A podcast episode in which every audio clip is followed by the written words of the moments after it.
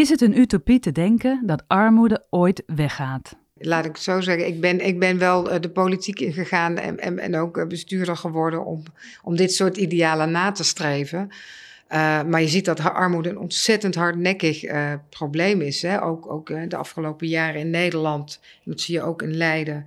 Um, je ziet dat het steeds beter gaat met, met mensen. Hè? De laatste stadsenquête bleek ook dat de gemiddelde Leidenaar gelukkiger is dan ooit.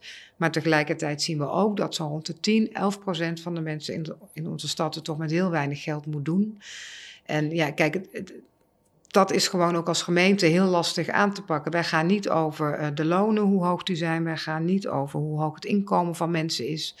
Dus je kunt maar kleine stapjes zetten om mensen proberen uit die armoede te helpen. Uh, dat doen we ook. Uh, maar het klopt dat het een hardnekkig probleem is. Maar goed, ik, ik zit hier wel om te kijken dat we het zo klein mogelijk kunnen krijgen.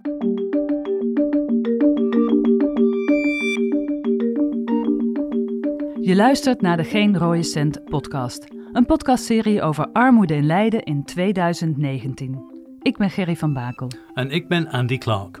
Je hoorde net wethouder Marleen Dame, die verantwoordelijk is voor het nieuwe armoedebeleid in de stad. Wij hebben de afgelopen maanden gekeken naar dit nieuwe beleid.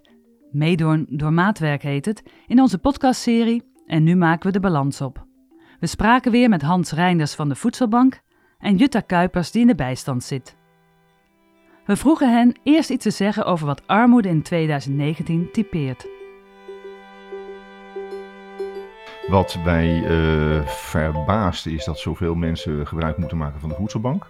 En wat mij ook verbaast is uh, dat uh, mensen toch altijd heel monter en optimistisch blijven als, als ze bij ons komen, ondanks alle misère. En die misère die is groot en flink.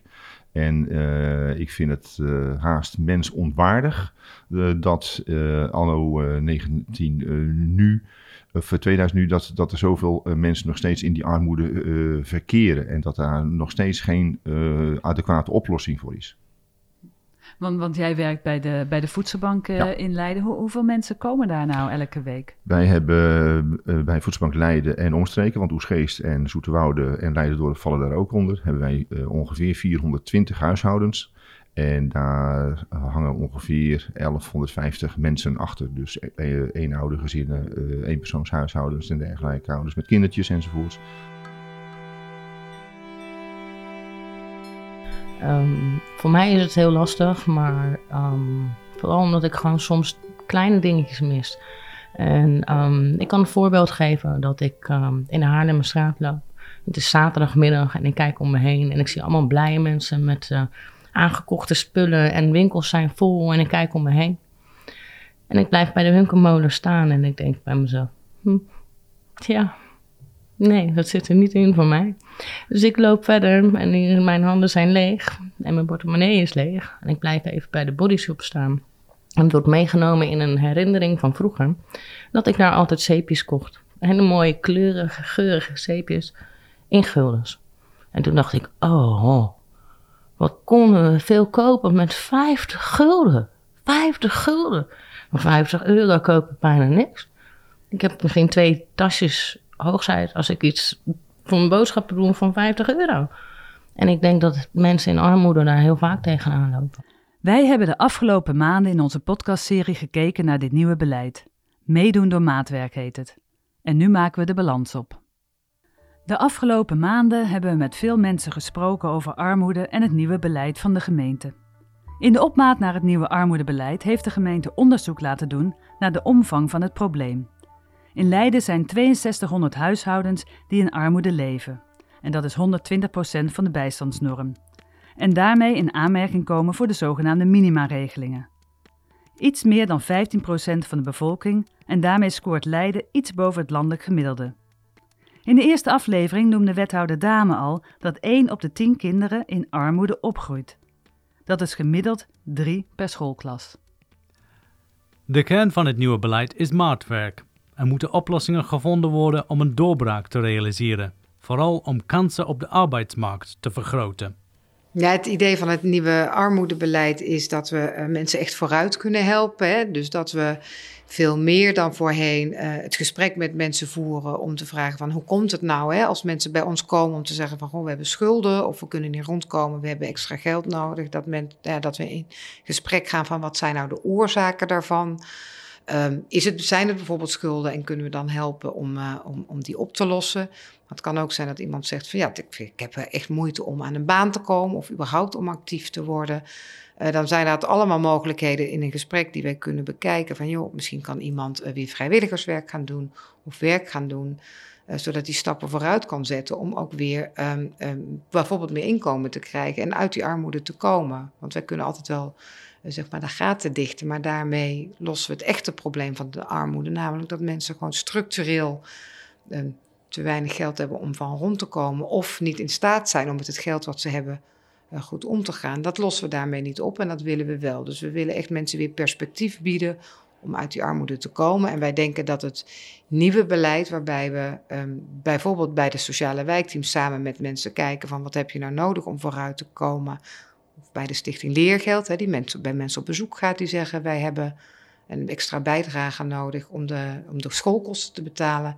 Ja, dat we echt in contact en gesprek met mensen kijken van wat heb jij nu nodig. In plaats van dat we een generieke regeling hebben voor iedereen, maar eigenlijk nooit weten of het mensen echt helpt. Het klinkt goed, maar de praktijk is weer barstig. Mensen die in armoede leven zijn soms te bang om de post open te maken. Dus hoe moeten ze dan weten van nieuw beleid waarin ze proactief op zoek naar hulp moeten gaan? Nee, dat moeten, daar moeten we inderdaad uh, goed op letten. Dat mensen ook weten dat ze daar terecht kunnen.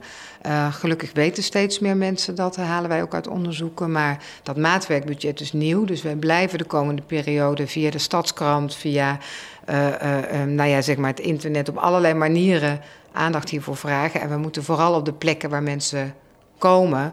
Uh, uh, ja, moet er goed doorverwezen kunnen worden. Dat kan een goede buur zijn in de wijk. Dat kan uh, de school zijn waar de kinderen naar school gaan. Het kan de huisarts zijn. Dus wij moeten eigenlijk alle partijen, de voedselbank bijvoorbeeld, we moeten alle partijen in de stad waar deze mensen komen, die moeten weten dat als iemand zich meldt en, en zegt van joh, ik heb. Ik, ik, ik, heb eigenlijk wel hulp nodig bij mijn financiën. Ik zou daar graag met iemand een keer over willen praten. Dat ze ook weten van, goh, daar is het sociale wijkteam voor. Dus dat moeten we zeker goed onder de aandacht blijven brengen. Hans Reinders van de Voedselbank zei al in een eerdere aflevering van onze podcast dat in zijn optiek er ook mensen zijn die gewoon niet in staat zijn te werken. En dat we dit onder ogen moeten zien. Hij herhaalde dit punt toen we hem weer spraken. De, de, laat ik zo zeggen, voor veel mensen die uh, in een uitkeringssituatie verkeren, is het vaak zo dat er een, een grote afstand is tussen hen en de arbeidsmarkt. Nou, dan kan je gaan reden twisten over oorzaken. Vind ik op zich niet zo belangrijk. Maar iemand die uh, langdurig werkloos is en het verder uh, goed vindt zo, laat die met rust. En wat zie je gewoon weer gebeuren? Dat uh, men wordt opgejaagd. Je moet allerlei acties gaan ondernemen om um, mee te gaan doen. Nou, ik vind het hartstikke leuk als je mee gaat doen in de zin dat je eens een keer ook naar een sportclubje kan gaan of dat je naar de Schouwburg kunt gaan. Maar het hoeft voor mij niet dat als mensen tevreden zijn met hun bestaan in de zin van ik werk niet, maar hun uitkering zien ze als een soort basisinkomen en daar kunnen we het mee redden. Het is geen vetpot, maar het kan zo. Laat het dan. Laat die mensen op die manier in hun waarde. En uh, ja, dat is, dat is vol, volgens mij de, de oplossing om daar uh, soepel mee om te gaan. Hans twijfelt of die mensen ooit proactief op zoek naar hulp zullen gaan. Jutte deelt zijn twijfels. Zij denkt dat er te veel verwacht wordt van mensen die in de problemen zitten. Ik denk dat heel veel mensen die in de bijstand zitten beperkingen hebben. En, um, en dat denk ik niet alleen, dat weet ik zeker. En er staat zo'n enorme druk op deze groep. Dat is niet gezond. Want het is niet de norm. Het is een, wat, de, wat, wat Nederland vraagt. De norm van de mensen is in staat om 36, 40 uur werk, weekwerk te draaien. Dat geldt niet voor iedereen. Iedereen is uniek. Iedereen is zichzelf.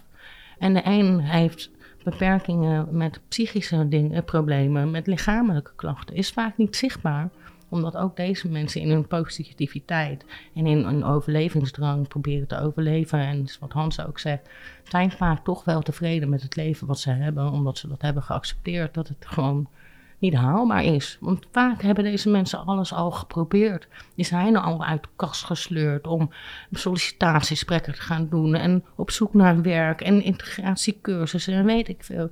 Dat is per groep verschillend. Je moet kijken per groep. Ik heb zelf meegedaan aan een nieuwe toekomst integratieproject. En dat is uh, voor vrouwen die in een blijf van beluishuis hebben gezeten. In, en, of in eenzelfde soort situatie. En er werd echt gekeken naar de groep vrouwen. Het is een landelijk project, dus ik hoop ook echt dat het nog doorgaat. Um, maar er werd gekeken naar de groep vrouwen. Vrouwen gezien als echte vrouwen. Die zichzelf eigenlijk, inclusief mezelf, behoorlijk verloren voelden in deze maatschappij.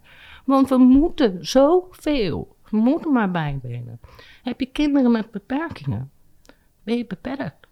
Ben je niet in staat om jezelf 36 uur voor in te leveren? Want we hebben ook nog eens te maken met de zorg.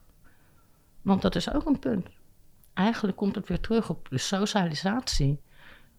Waar kijken we naar? Nee, we kijken naar het geheel. We moeten kijken naar verschillende groepjes en dat als een soort van puzzel in elkaar zetten, als één geheel. Veel mensen die we hebben gesproken voor de Geen Rode Cent podcast weten weinig van het nieuwe beleid. Behalve één ding: de afschaffing van de zogenaamde declaratieregeling. Deze regeling bestond al meer dan 10 jaar en betekende een extra 210 euro per jaar voor mensen met een minimuminkomen. Iedereen had er recht op en er werd massaal gebruik van gemaakt. Het geld werd gebruikt om gaten te dichten en bijvoorbeeld een internetverbinding van te betalen. Maar dat was niet de bedoeling van de regeling. De wethouder vat het weer goed samen.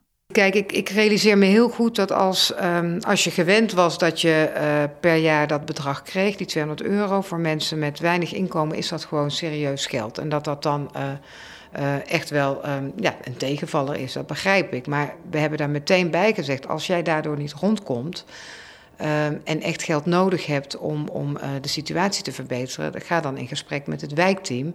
Want dan kun je gezamenlijk kijken hoe je uh, misschien niet ieder jaar gewoon dat geld krijgt, maar wel stappen vooruit kunt zetten door een opleiding, door vrijwilligerswerk, door samen nog eens te kijken van goh. Is het geld wat ik binnenkrijg en de dingen die ik uitgeef, klopt dat wel een beetje met elkaar? Dus ik denk uiteindelijk dat zo'n gesprek en samenwerken aan, aan dat perspectief uh, uiteindelijk uh, mensen beter uit de armoede kan helpen dan alleen maar geld blijven geven. Waarbij ik me echt goed realiseer dat, je, dat mensen dat merken in de portemonnee en, dat, uh, en dat het een serieus verschil kan maken. Maar ja, de mensen die in armoede leven snappen hier weinig van. Voor hen is het gewoon nog minder geld. Want er staat al een hele hoge druk op deze groep mensen. In armoede, ja, mijn koelkast staat niet vol met Coca-Cola, Fanta en allemaal andere dingen. Nee, ik ga niet naar de bioscoop. Ik heb geen dure schoenen aan mijn voeten boven die ik heb gekregen van een vriendin omdat ze er te klein heeft gekocht. Wat ook doorklonk was de enorme teleurstelling dat Leiden Helpt dichtging.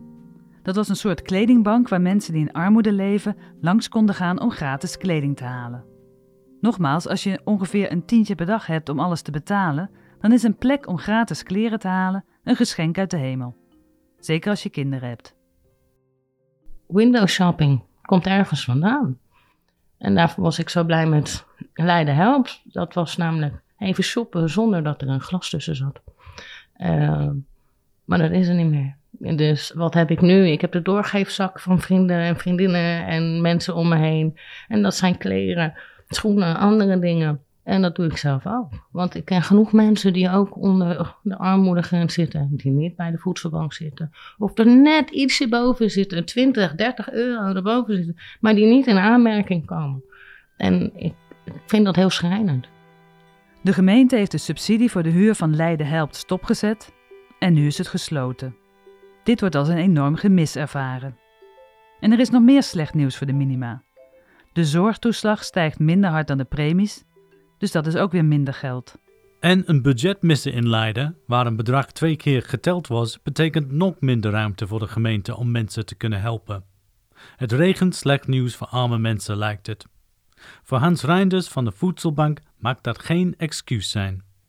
Ik vind, wat voor tekorten er ook zijn en wat voor fouten er ook gemaakt worden, ik vind dat iedereen een gelijkwaardig lid van deze samenleving moet kunnen zijn en een menswaardig bestaan moet kunnen leiden. En als de overheid daarin foutjes maakt, dan moet de overheid maar op de blaren zitten en daar zelf een oplossing voor, voor zien te vinden. We hebben ook met mensen van een sociaal wijkteam gesproken. Zij beslissen of mensen in aanmerking komen voor extra geld om die doorbraak, waar de wethouder het over had, te realiseren. Ze waren deels enthousiast. Het idee een budget te hebben om specifiek een oplossing te kunnen bieden, zagen ze zeker zitten. Voorheen moesten ze bij fondsen aankloppen om extra geld te halen, en dat betekende veel bureaucratische romslomp en dat kostte veel tijd. Nu kunnen ze sneller acteren, maar de vraag blijft of ze wel de juiste mensen helpen, omdat mensen zelf de eerste stap moeten zetten. Marleen Dame zegt dat de gemeente alles doet om het zo laagdrempelig mogelijk te maken. Ja, daar kunnen ze gewoon naartoe en een afspraak maken. En uh, meestal kun je dan heel snel terecht. En we hebben ook, naast dat je echt een afspraak hebt met het sociale wijkteam zelf, hebben we op de, bijna alle plekken op dit moment in de stad een goede buur. Dat is gewoon een inloopochtend in het buurthuis, waar vaak ook het sociale wijkteam zit, waar vrijwilligers zitten. En soms ook een aantal uur per week iemand van het sociaal wijkteam, waar je gewoon naartoe kan lopen als je denkt, nou, ik weet eigenlijk nog niet wat ik wil, maar ik wil gewoon eens even praten om te kijken of ze me verder kunnen helpen. Dus dat is heel laagdrempelig. Kunnen mensen drie, vier ochtenden per week gewoon naartoe voor een kopje koffie. En dus in gesprek raken en kijken van, goh, wil, ik, uh, wil ik misschien nog wel een keer een gesprek en dan met het sociaal wijkteam. Ja, het klinkt allemaal heel mooi, maar als wij met mensen praten, dan heb ik toch het idee van dat zij het niet weten, dat ze niet weten waar ze terecht komen, kunnen of dat ze zich misschien ook niet helemaal welkom uh, voelen. Waar komt dat gevoel vandaan? Dat vind ik lastig te beantwoorden. Dat zou ik heel graag ook over in gesprek dan met die mensen zelf. Want uh, um, de voorzieningen zijn er allemaal, ook echt heel laagdrempelig. Dus ik denk dat het ook goed is om uh, na eens in de zoveel tijd weer even bij mensen na te gaan van... weten jullie dat het er is? Wij doen dus van alles om dat bekend te maken. Uh, maar misschien kan dat nog beter. Um, ja, en zich niet welkom voelen. Hè. Wij houden heel veel doen heel veel onderzoeken naar hoe tevreden mensen zijn over bejegening en zo. Door bijvoorbeeld die sociale wijkteams. En daar scoren ze heel goed op, ieder jaar beter. Dus ik, ik, ik herken dit niet als het algemene beeld. Ik kan natuurlijk nooit spreken voor hoe individuele mensen in de stad dat ervaren. Nou, mooie woorden daar van Marleen Dame, de wethouder. Gerry, um, wat denken wij? Gaat het wel lukken met het nieuwe aanmoederbeleid in Leiden? Ja, dat is natuurlijk de vraag wat je verstaat om gaat het lukken. Ik denk dat dat maatwerkbudget een heel goed instrument is voor de sociale wijkteams. Je kunt er ook bijna niet op tegen zijn, hè? dat je echt gaat luisteren wat iemand nodig heeft en daar dan uh, wat geld uh, bij uh, kunt zetten als dat nodig is. Maar wat ik het probleem vind is dat ik denk dat er toch heel veel mensen buiten de boot gaan vallen, omdat ze het lastig vinden om, om aan te kloppen bij sociale wijkteams, om hulp te vragen. We vinden het allemaal eigenlijk best wel lastig om om hulp te vragen als het erop aankomt. Er is wel een target, toch? Van 25% minder langdurige armo armoede in Leiden. Dus, dus ja. Ja, dat is een, uh, een wens, uh, was dat van de gemeenteraad. Er is een motie aangenomen. 25% langdurig mensen in armoede leven, dat moet naar beneden. Ja, ja, tuurlijk, ik zou zeggen ook, dat willen we allemaal. De wethouder noemt het ook echt een mooie ambitie. Maar als je kijkt naar uh, wat de gemeente kan doen uh, om mensen uit de armoede te halen, dan denk ik, dan is dat maatwerkbudget, ja, daar staat niet echt een, uh, zeg maar een limiet op. Maar dan denk ik, nou, dan moet je wel een heleboel, uh, volgens mij gaat dat veel meer kosten dan die hele declaratieregeling bij elkaar die ze nu hebben afgeschaft. En dit gebeurt allemaal tegen een achtergrond van minder geld. Ja, want de gemeente krijgt eigenlijk minder geld dan het Rijk, van het Rijk dan ze uitgeeft. dus de gemeente heeft de afgelopen jaren allemaal geld bijgepast in het sociaal domein. Ja, en dat, daar zit nu een ze hebben nu het plafond bereikt en dus moet je gaan bezuinigen. Nou, wordt vervolgd toch? Uh, we zitten aan het begin van het nieuwe beleid, dus het is pas begonnen. Dus het zou interessant over een jaar om nog een keer te kijken. We komen erop terug. Ja, we komen er zeker op terug. Voor nu geven wij het laatste woord aan Hans Reinders en, uh, van de Voedselbank en uh, Jutte Kuipers. Men moet de wil hebben om mensen te helpen. Men moet de creativiteit bezitten om mensen te helpen. En we kunnen mensen niet afdoen als van je bent een, een stukje papier en dat keeper we in de vuilnisbak en daarmee zoek je het maar fijn verder uit voor de rest van je leven. Daar ben ik apert tegen. Ja, nou, ik ook. Want um, wij, wij leiden zo ontzettend rijk en, uh, en er wordt zoveel bezuinigd. op de groep die eigenlijk gewoon geen kant op kan. En deze groep kan eigenlijk niks opbouwen, kan geen pensioen opbouwen, kan eigenlijk helemaal geen kant op. Behalve als ze er hier uit deze situatie komen. En dat is voor heel veel bijna onmogelijk. Ik zeg, het zorgdomein wordt aangepast, dan moet ik 30 euro meer betalen, misschien nog wel meer. Dat houdt ook in dat dat dus weer tekort komt bij andere mensen. Dus budget, tuurlijk.